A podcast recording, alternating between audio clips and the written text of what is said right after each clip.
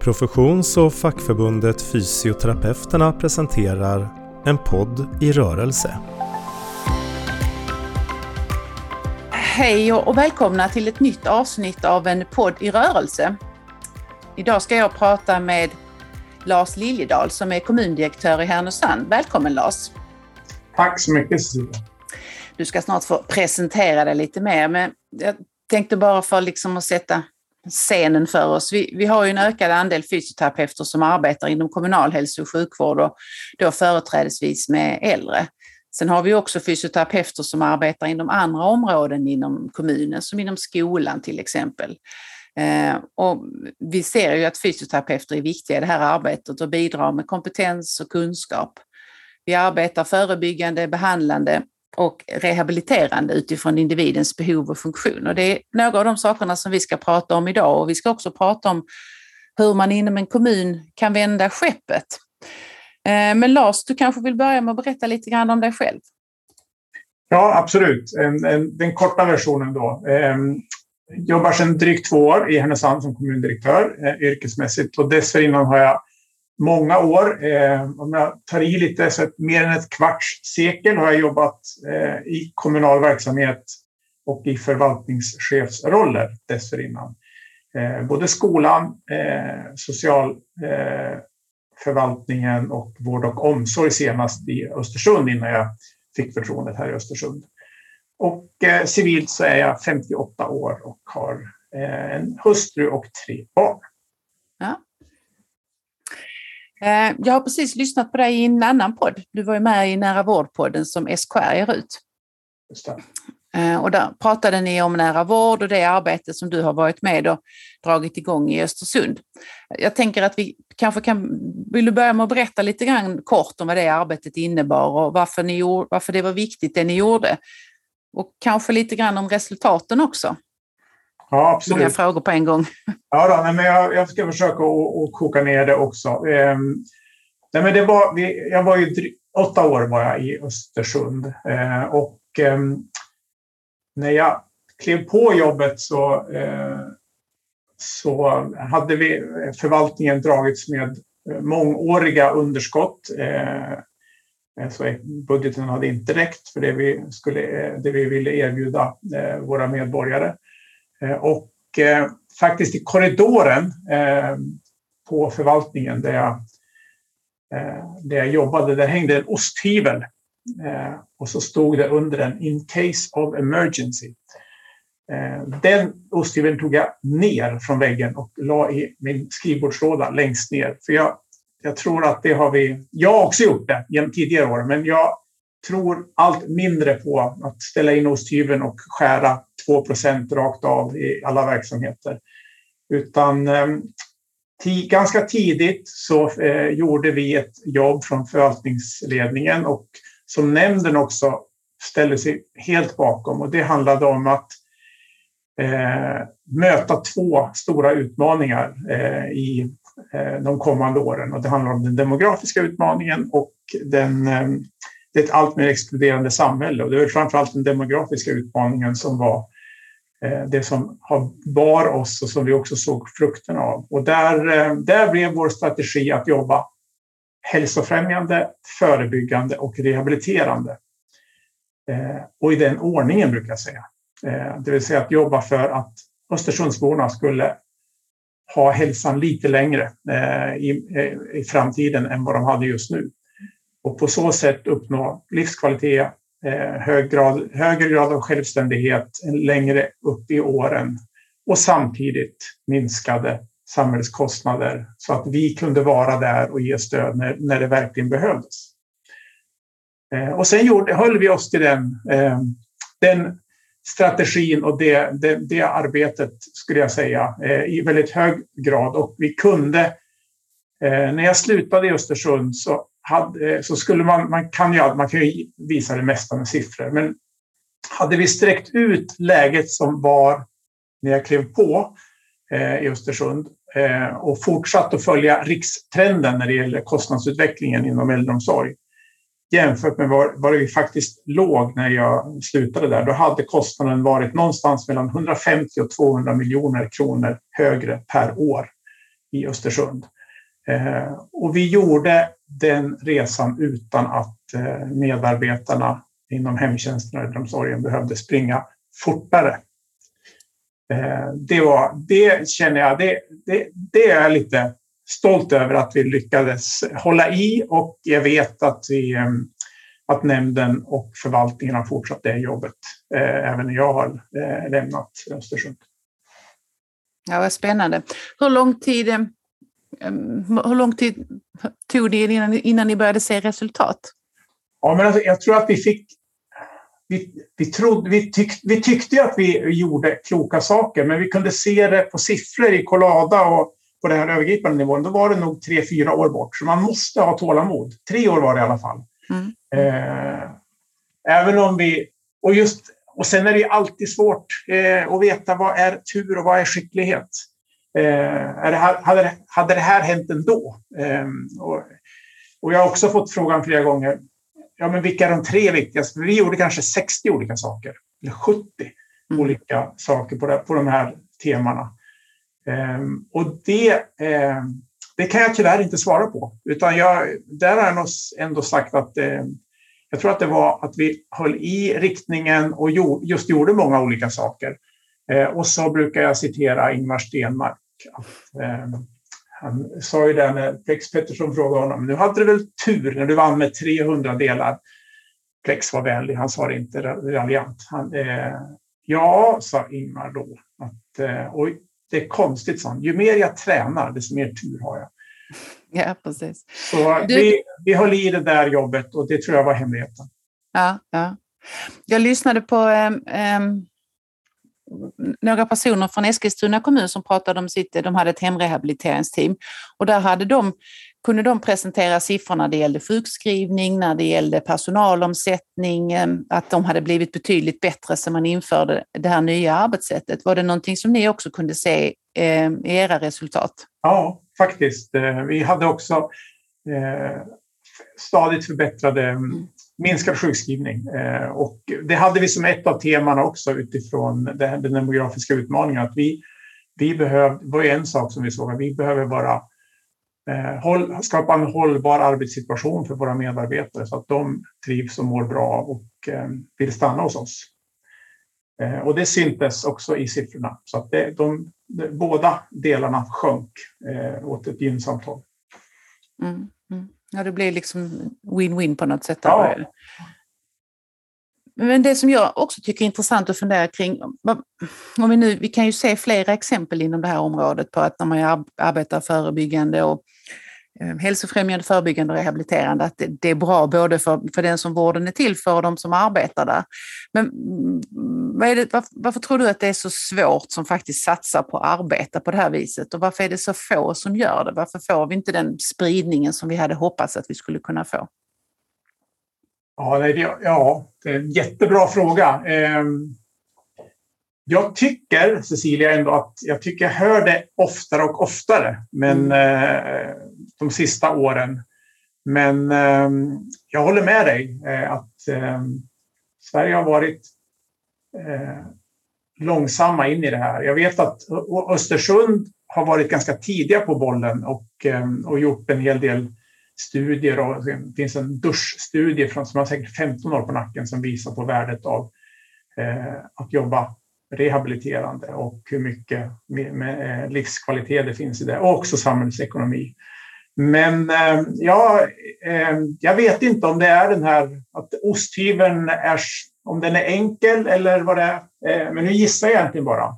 För, för, mig är det, för mig är det verkligen självklart. Och jag ser ju det även i mitt nuvarande jobb att det förhållningssättet, hälsofrämjande, förebyggande, rehabiliterande, det funkar i, oavsett vilken verksamhet du tittar på. Mm.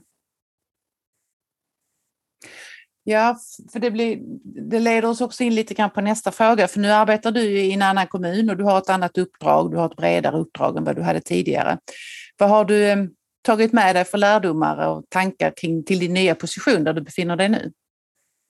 Ja, nej, men det, eh, det som jag nyss har sagt, då, de här tre, tre orden och stegen, att, eh, men att börja med det hälsofrämjande perspektivet och sen förebyggande rehabilitering. Det, det har jag verkligen burit med mig hit också. Eh, och det är ju det är ju inte raketforskning det här, precis som du säger, även om eh, vi kanske inte gör det så genomgående och systematiskt som vi skulle kunna göra. Men eh, något, några exempel som, från Härnösand som jag är väldigt glad och stolt över det är att redan första hösten, eh, senhösten och in mot nyår där så fick vi politikens förtroende att eh, lägga fram en gemensam budget från tjänsteorganisationen eh, till politiken. Mm. Där alla förvaltningar eh, och förvaltningschefer deltog tillsammans med avdelningscheferna på kommunstyrelseförvaltningen och eh, la ett gemensamt förslag där, eh, där vi fördelade pengarna på det sätt som vi såg som det mest ändamålsenliga för att få eh, ge maximal eh, nytta och värde för eh, Härnösandsborna. Och i det jobbet så hade vi de här eh, orden med oss hela tiden. Eh, mm. hälsofrämjande, förebyggande, rehabiliterande. Eh, och om man backar ut, zoomar ut då så är ju en eh, person som jag tycker har fångat det här väldigt eh, väl och som jag också gjort det på forskningsgrund. Det är Sir Michael Marmot som gjorde Closing the Gap eh, mm. för FN för det är säkert 15 år sedan. Han sa bland annat att det jämlika samhället är det rika samhället. Och jag har liksom utvecklat den och sagt det jämlika samhället är också det hälsosamma samhället. Eh, och det jämlika samhället är det samhället där vi mår psykiskt bra eller är friska. Så mm, socioekonomi är eh, ett område som man också behöver jobba med och som jag tror är avgörande för en god hälsa. Redan från unga år men genom hela livet. Och då är vi på andra delar än, eh, en kanske klassisk arbets, eh, arbets, vad arbetsterapeuter jobbar med, men de, de sakerna hänger ihop. Ja. Um, jag tänkte att vi kunde spåna vidare lite grann kring det, just det här um, de olika grupperna inom kommunerna. Eh, för vi som, vi som fysioterapeuter vill ju till exempel gärna arbeta mer i elevhälsan och se att vi skulle kunna bidra där. Och vi tänker på personer med LSS-boende och så, att det, det är områden där, där, där, vi tänker att det behövs fler professioner och där vi skulle kunna, kunna bidra med vår kompetens.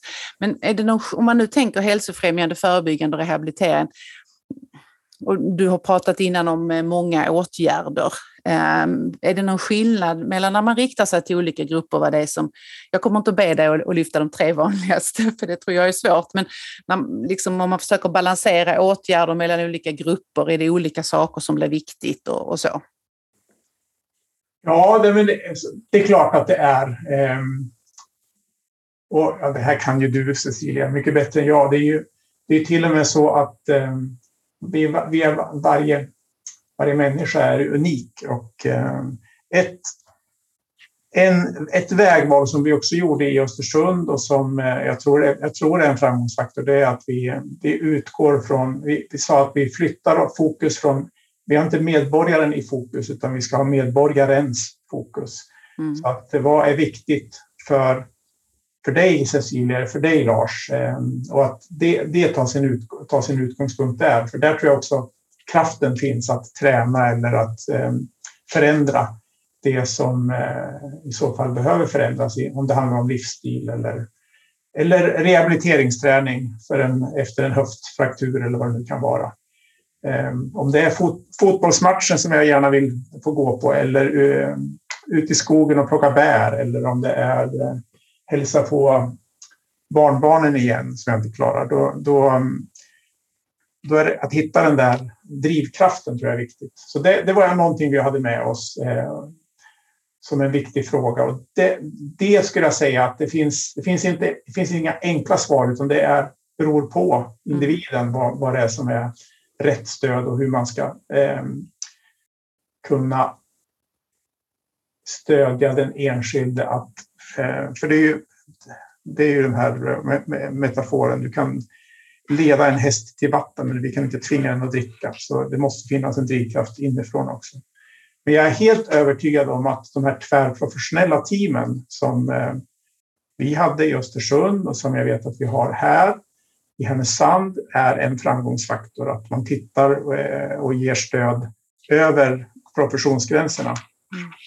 Och tillsammans, men tillsammans med den enskilde. Det var väl min, det viktigaste. Med. Har du jobbat med medborgardialoger eller någonting sådant? Ja, fast inte på det här området. Eh, och däremot så gjorde vi det i Östersund, fast eh, gjorde, vi skulle kunna gjort det ännu djupare. Eh, jag vet att eh, det jobbet skulle tas upp igen, men jag tror att det har pausats på grund av pandemin. Eh, att, ja. att fråga dem vi är till för. Då blir det på gruppnivå och det, där kan man absolut hitta saker. Men eh, återigen, det, vi är, också, vi är ännu mer unika som individer, så jag tror man måste ända ner eh, till det här goda samtalet också. En annan sak som du, du nämnde att ni skulle göra en gemensam budget. Eh, och i den här podden, andra podden som jag har lyssnat på så pratar du också om samverkan mellan grupper, förmåga att se helhet. Och jag tänker att det här är en utmaning som, som vi ser inom, inom många organisationer och mellan organisationer och mellan huvudmän och så till exempel. Um, vad, vad, tror du är framgångsfaktorer för att hjälpa oss att se helhet och kanske ibland ta ett bredare ansvar? Ja, det, är, det är bra frågor. Um, jag tror att eh, här har vi som jobbar som ledare eh, och, eh, och, ja, eh, en viktig roll att vi visar på värdet och vikten av att eh, det ibland är nödvändigt att vi tar det där steget framåt, tar den där kostnaden från vår enhet, vår avdelning, vår förvaltning.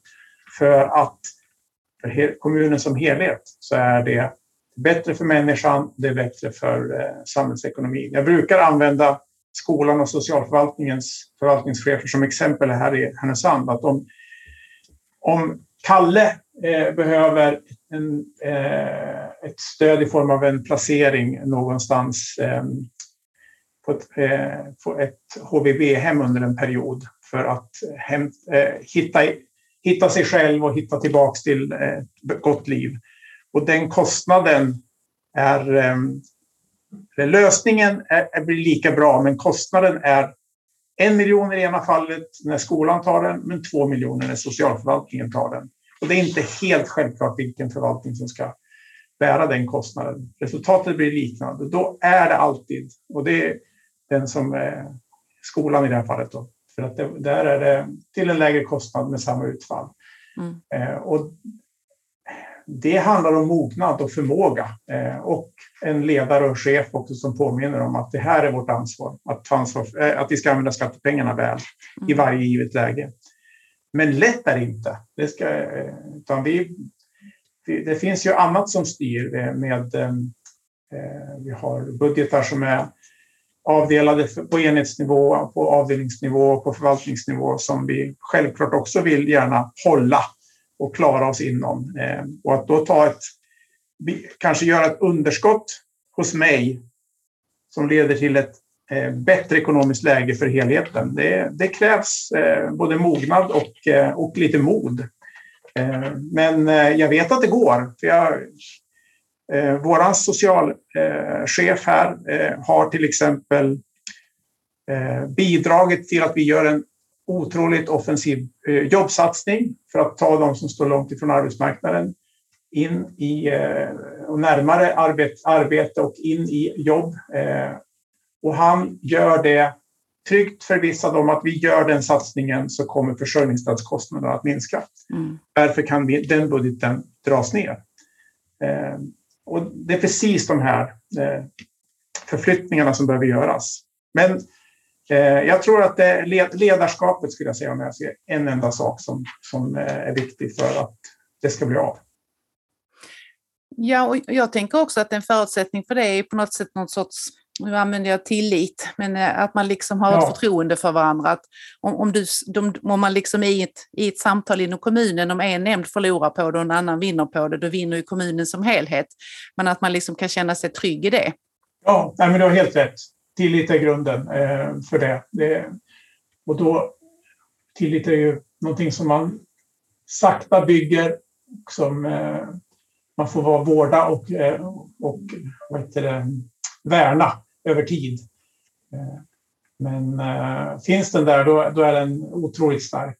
Den där går ju att flytta till även mellan kommungränserna. Och, vi, vi har här i Västernorrland så har vi under pandemin tycker jag sett jättefina exempel på att äh, vi har kunnat känna tillit till varandra och, och, och, och hjälpt varandra när det varit kri, kritiskt på vissa ställen. Jag, mm. jag brukar använda början av pandemin när det var ont om skyddsutrustning så hade vi vi hade andningsmasker eh, och skydds, skyddsmasker här i Härnösand, men vi hade ingen smitta. Eh, en grannkommun till oss hade smitta och hade inga skyddsmasker. Då gick våra skyddsmasker dit. Eh, eh och i ett senare skede så kunde de hjälpa oss i, med, med, på samma utgångspunkt, med tillit. Att vi, vi, vi litar på att vi, nu, nu gör de mer nytta där i Kramfors för det här. Och vi fick hjälp i ett senare skede. Så mm. att tillit, absolut. Pandemin har ju verkligen varit ett, ett gott exempel på hur vi kan hur vi kan hjälpa varandra med kunskap och kompetens. Det har liksom varit en väldigt generositet kring att dela med sig av kunskapen och de, de regioner och kommuner som har gått före, mm, till exempel och haft fler smittade, de har verkligen delat med sig till kommuner och regioner som har kommit efter. Ja, håller med dig. Mm. Men eh, om, vi, om vi tar och tittar lite grann framåt, vilka möjligheter ser du för kommunal hälso och sjukvård i framtiden?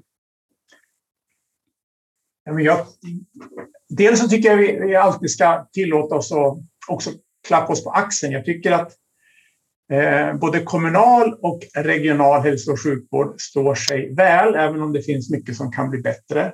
Eh, och den kommunala hälso och sjukvården, vi är ju in, nära sammanflätade med den regionala nivån. Så att eh, det, det, här som vi nyss pratade om, som du konstaterade helt riktigt har visat sig under pandemin, det goda samarbetet och mm.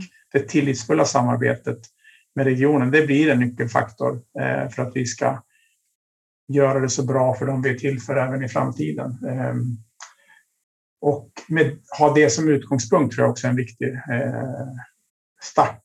Liksom att det, det är för med västernorrlänningarna som vi, och Härnösandsborna som vi eh, gör saker, organiserar oss på, eh, annorlunda kanske. Vi har ju ett jobb igång med nära vård, precis som alla andra regioner. Eh, och hade en open space eh, halvdag här nu för inte, med, det är några veckor sedan bara, med, med många, många från både regionen och kommunen som tänkte tillsammans. Eh, så det, prata med och prata inte, och inte om varandra eh, och eh, förmåga att se helhet. Kommer vi tillbaks till det. Det är lite dyrare för mig, men samhällsekonomiskt bättre. Mm. Då ska vi ta ansvaret. Eh, vad ska jag säga mer? Eh, läkarmedverkan. Eh, där, där tror jag vi eh, alla ser värdet av eh, att eh, lä läkarna är knutna och, och det är fasta läkarkontakter. Att de här lösningarna med stafetter, när, det, när det blir på våra särskilda boenden så är det så är det försämrade kvaliteten. Det finns så mycket trygghet i när läkaren verkligen känner de de personerna som har de största vård och omsorgsbehoven för att mm. kunna ge rätt stöd och inte, inte ta i för mycket och inte ta i för lite. Um, Individens behov i centrum har jag varit inne på som, vi, som en utgångspunkt. Eh, och där hela tiden så kommer det vara ett samspel mellan den kommunala hälso och sjukvårdsnivån eh, uh, och den regionala. Ehm, och jag de, de goda samtalen helt enkelt. Jag brukar använda ett annat uttryck. Eh, hur kan vi göra varandra så bra som möjligt? Det, det har vi burit med också under eh, både åren i Östersund och, och även här. Eh, och det gäller verkligen i relation med regionen också. Jag vill, vi kanske inte fastnar i hälso och sjukvård, men jag, vill, jag står och funderar på det också. Att min erfarenhet är att man ser inom, inom just den kommunala hälso och sjukvården att eh, det är ett betydligt tyngre vårdklientel än man har haft tidigare och det kräver, liksom, kräver ju mer av de kompetenserna som finns där. Ja. Um, så, så den här samverkan eller samtalet mellan, mellan region och kommun är ju verkligen um, jag tror det är så himla viktigt. Eh, och att vi har kunskap om varandras förutsättningar och förståelse för våra förutsättningar när vi arbetar. Ja, men det är sant. Eh, och, och respekt för det också. Att vi, att vi har eh, vi, två olika huvudmän och vi ska, vi ska liksom ha respekt för det och göra det bästa vi kan mm. eh, tillsammans utifrån var och ens förutsättningar. Eh, men du, du var inne på det att pandemin har ju verkligen visat eh, att välfärdsväven håller ihop eh, även när det är en svår prövning och långvarig prövning. Mm. Eh, och håller den ihop då så vore det väl rackarn om vi inte skulle kunna hålla ihop den även i, i vardagen. Egentligen. Ja, det är sant. Det är så, jag tror det är, så, det är också viktigt att vi lär oss av pandemin och det, det pågår ju många samtal på olika håll kring det. Men att för en hel del har vi, vi har ju lärt oss en del saker och vi har också, precis som du säger, satt ljuset på en del. Um, ja. Eh, ska vi, ska, eh, vi tar då just den här rehabiliterande delen så, så vet ju jag att eh, värdet av att, eller det som jag tycker är häftigt är att man kan träna upp förmågor hela livet. Det, och det, det behöver jag inte övertyga dig om, men, men det, eh, utan eh, att vi, att vi eh, kommer ihåg det. Att det, mm. det finns alltid möjligheter att återerövra eller bibehålla hälsa. Eh, och det är, värt, det är värt för den enskilde först och främst. Men det är också bra för samhällsekonomin. Så det, det är vinna-vinna, win-win som du sa. Mm, mm. Ja, visst är det så. Och jag tycker det är tilltalande där. Så hälsofrämjande, förebyggande och rehabiliterande. För kan vi, kan vi liksom kan vi um, vänta med sjukvård, kan vi vänta med att man inte kan klara sig själv genom att vi arbetar hälsofrämjande, så är det ju också en stor vinst i det, både för samhället och för individen, tänker jag. Ja, ja verkligen. Mm. Um, jag vet i Östersund så hade vi ett, en av alla de här sakerna vi gjorde som eh, som jag inte kan leda i bevis att det, det, var, att det var en av de här tre viktigaste, utan jag kan bara ana. Men det var att vi var ganska tidigt på att erbjuda GPS-larm istället för trygghetslarm. Eh, och GPS-larms fördel är att då kunde eh, maken den med demens ta sin promenad utan att makan behövde vara orolig för att eh, hen, eh, att eh, maken skulle tappa bort eh, riktningen eller inte veta var han var. För då, gick, då kunde hemtjänsten hitta igen honom. För, eller hon kunde själv hitta igen honom. Och vi hade sådana rörande historier när de hade gått ut i svampskogen för första gången på tio år eller åkt på utlandssemester för första gången på sju år för att de hade den här tryggheten. Och det är ju ett litet exempel på ökad livskvalitet men också eh, där vi istället för att erbjuda den här promenaden en gång i veckan nu kunde eh, ersätta den med fyra promenader om dagen om eh, ja. personen ville det själv på ett tryggt och säkert sätt. Mm. Det känns ju som att det, det, är ju det där också, tänka lite längre. Eh, ja, ja. Att inte liksom gå på den första åtgärden. Ja, nej, men, och, eh, och, det, eh, och våga prova. Mm. Sen gjorde vi säkert också saker som kanske inte hade lika stor effekt. Men vi, vi provade och en del bar väldigt, väldigt bra och blev långt över förväntan och, och andra kanske inte riktigt lika lyckade. Men då kunde vi också backa tillbaka och säga men det, det här ger inte de resultaten som vi hade hoppats på. Nej, det är också en del i förändringsarbetet att våga prova och utvärdera och se om det gör den effekten som man hade önskat sig. Exakt. Men du, jag tänker om vi som, jag pratade lite grann om det, att fysioterapeuter skulle vilja vara mer eh, delaktiga i den kommunala hälso och sjukvården och kanske ta en större del i det arbetet. Mm, men om man tänker min position då som representant för fack och professionsförbund, om vi vill påverka förutsättningarna i kommunerna mer eller vara mer delaktiga, vilket råd skulle du ge oss för framtiden? Eh, ja, men då, ehm, då har jag ett, ett, eh, ett mantra som jag använder när jag träffar eh, alla fackliga företrädare som är att vi tänker bättre om vi tänker tillsammans.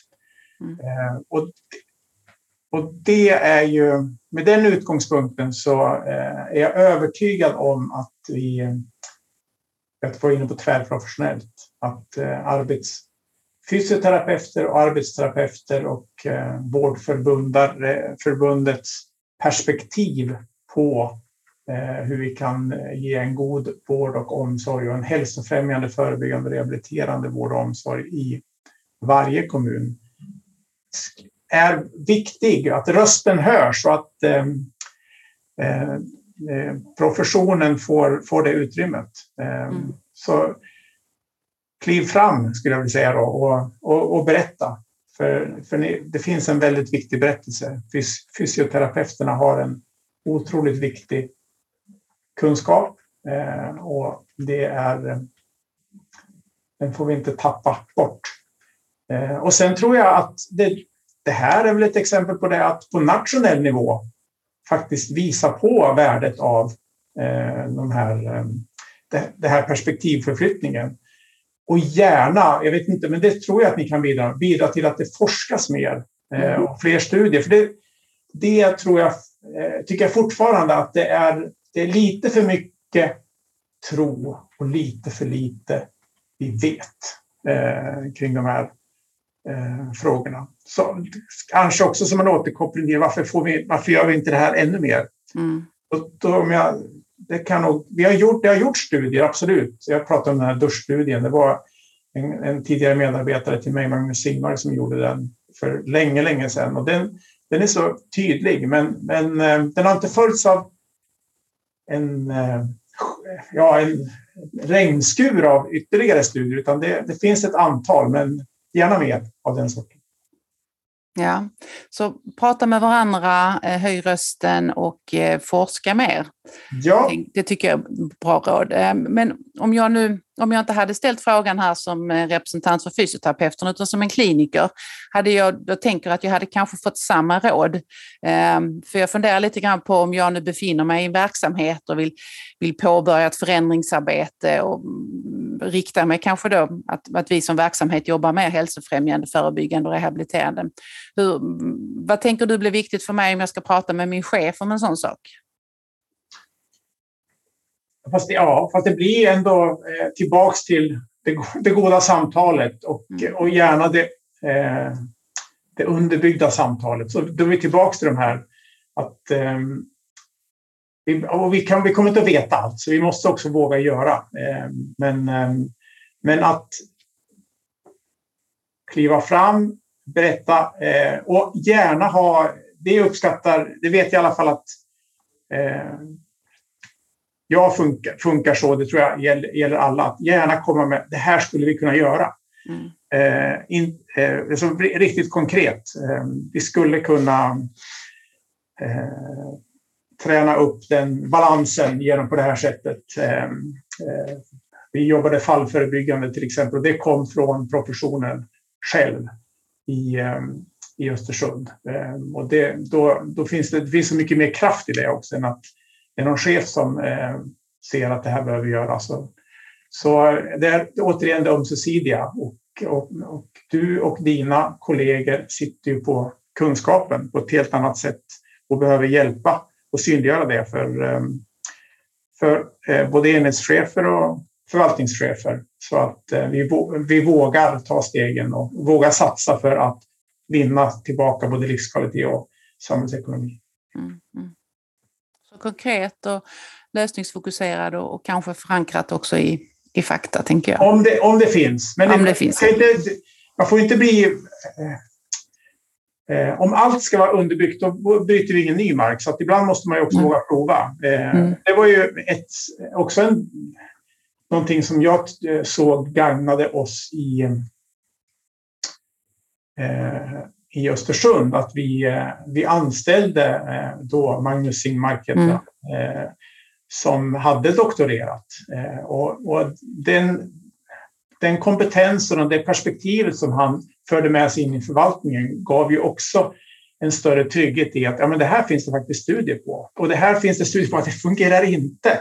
Mm. Och, sen, och sen ibland så bröt vi ny mark också. Och då kunde vi i några fall i alla fall också följa det. Ja, men leder det till det vi tror? Mm. Um, så det, um, det var ju, det kanske inte alla kommuner och framförallt inte en liten kommun mäktar med, men det var definitivt en, ett stort värde för, för oss i Östersunds kommun att få in de ögonen eh, i förvaltningen. Ja, jag tänker också att det är väldigt viktigt. Jag tänker också att det är viktigt med långsiktighet. Ja, så att man inte liksom ja. tror att man ska förändra för mycket på väldigt kort tid, utan man måste, som du sa innan, att man måste hålla i och man måste mm, fortsätta. Ja, när vi, eh, apropå liksom, det här med långsiktighet, vi hade ju ett val här eh, sista året in, innan jag lämnade Östersund. Och, eh, men eftersom det var en enig nämnd som stod bakom det här förhållningssättet att eh, osthyveln har vi lagt i byrålådan. Det, så har inte de sagt, men bildligt då. Eh, vi tror på hälsofrämjande, förebyggande, rehabiliterande. Så, så spelar det ingen roll att eh, majoriteten byttes. Eh, den, handlingsplanen mm. låg fast ändå. Eh, så politiken är också viktig, att de känner sig trygga med att nu gör vi det här och vi håller i den, den, det vägvalet och tror, att, tror på att det här kommer att leda till nytta för dem vi är till för och mm. därmed också bra samhällsekonomi. Mm. Nej, men jag tänker att de är ju jätteviktiga, för de borgar ju också för en långsiktighet om man har en överens, så att de är liksom överens om att, vad man vill satsa på. Ja. Det leder in oss lite snyggt på den sista frågan. Ja. Vi brukar alltid avsluta podden med att ställa frågan om, om du Lars nu var statsminister för en dag. Vilka beslut skulle du fatta då för att bidra till ett perspektiv som är hälsofrämjande, förebyggande och rehabiliterande? Ja, den är ju riktigt bra. Ehm, då skulle jag, eh, då går jag tillbaks till ehm, Sir Michael Marmot och hans tes att eh, socioekonomins betydelse. Då, jo, men det här såg jag även när jag var som vår, eh, vår omsorgschef. Men eh, trygghetssystem som fungerar och räcker till, skulle jag säga. Eh, att mm. våra, eh, så att, eh, och och väldigt, att ha ambitionen att de räcker till utan komplettering av försörjningsstöd. För det tror jag eh, är någonting som gör att vi krummar lite i ryggen. Det är, det är en rak, eh, trygghetssystem som leder till rak rygg. Eh, och sen brukar jag prata om en bas för ett gott samhälle och det är att vi har bostäder för alla och vi har arbete för alla utifrån var och ens förutsättningar så man kan jobba 100 procent av sin förmåga. Och så ska vi ha en skola som passar för alla barn och elever. Då var, då var det inte så mycket kanske eh, fysioterapeuter, men jag tror att vi lägger en väldigt god grund för ett hälsofrämjande eh, och gott samhälle med, med de där sakerna. Så det skulle jag ändra på om jag var statsminister för en dag. Mm, Man hinner med det där. Det behöver säkert utredas ordentligt, men, eh, eller också inte. Jag vet inte. Det låter som väldigt kloka beslut tycker jag. Du Lars, tack så hemskt mycket för att du hade möjlighet att vara med här i Inpodd i rörelse idag. Tack själv Cecilia och lycka till med ditt och ert viktiga arbete. Det, det är, eh, vi behövs och er röst behövs. Tack. En podd i rörelse presenterades av Fysioterapeuterna.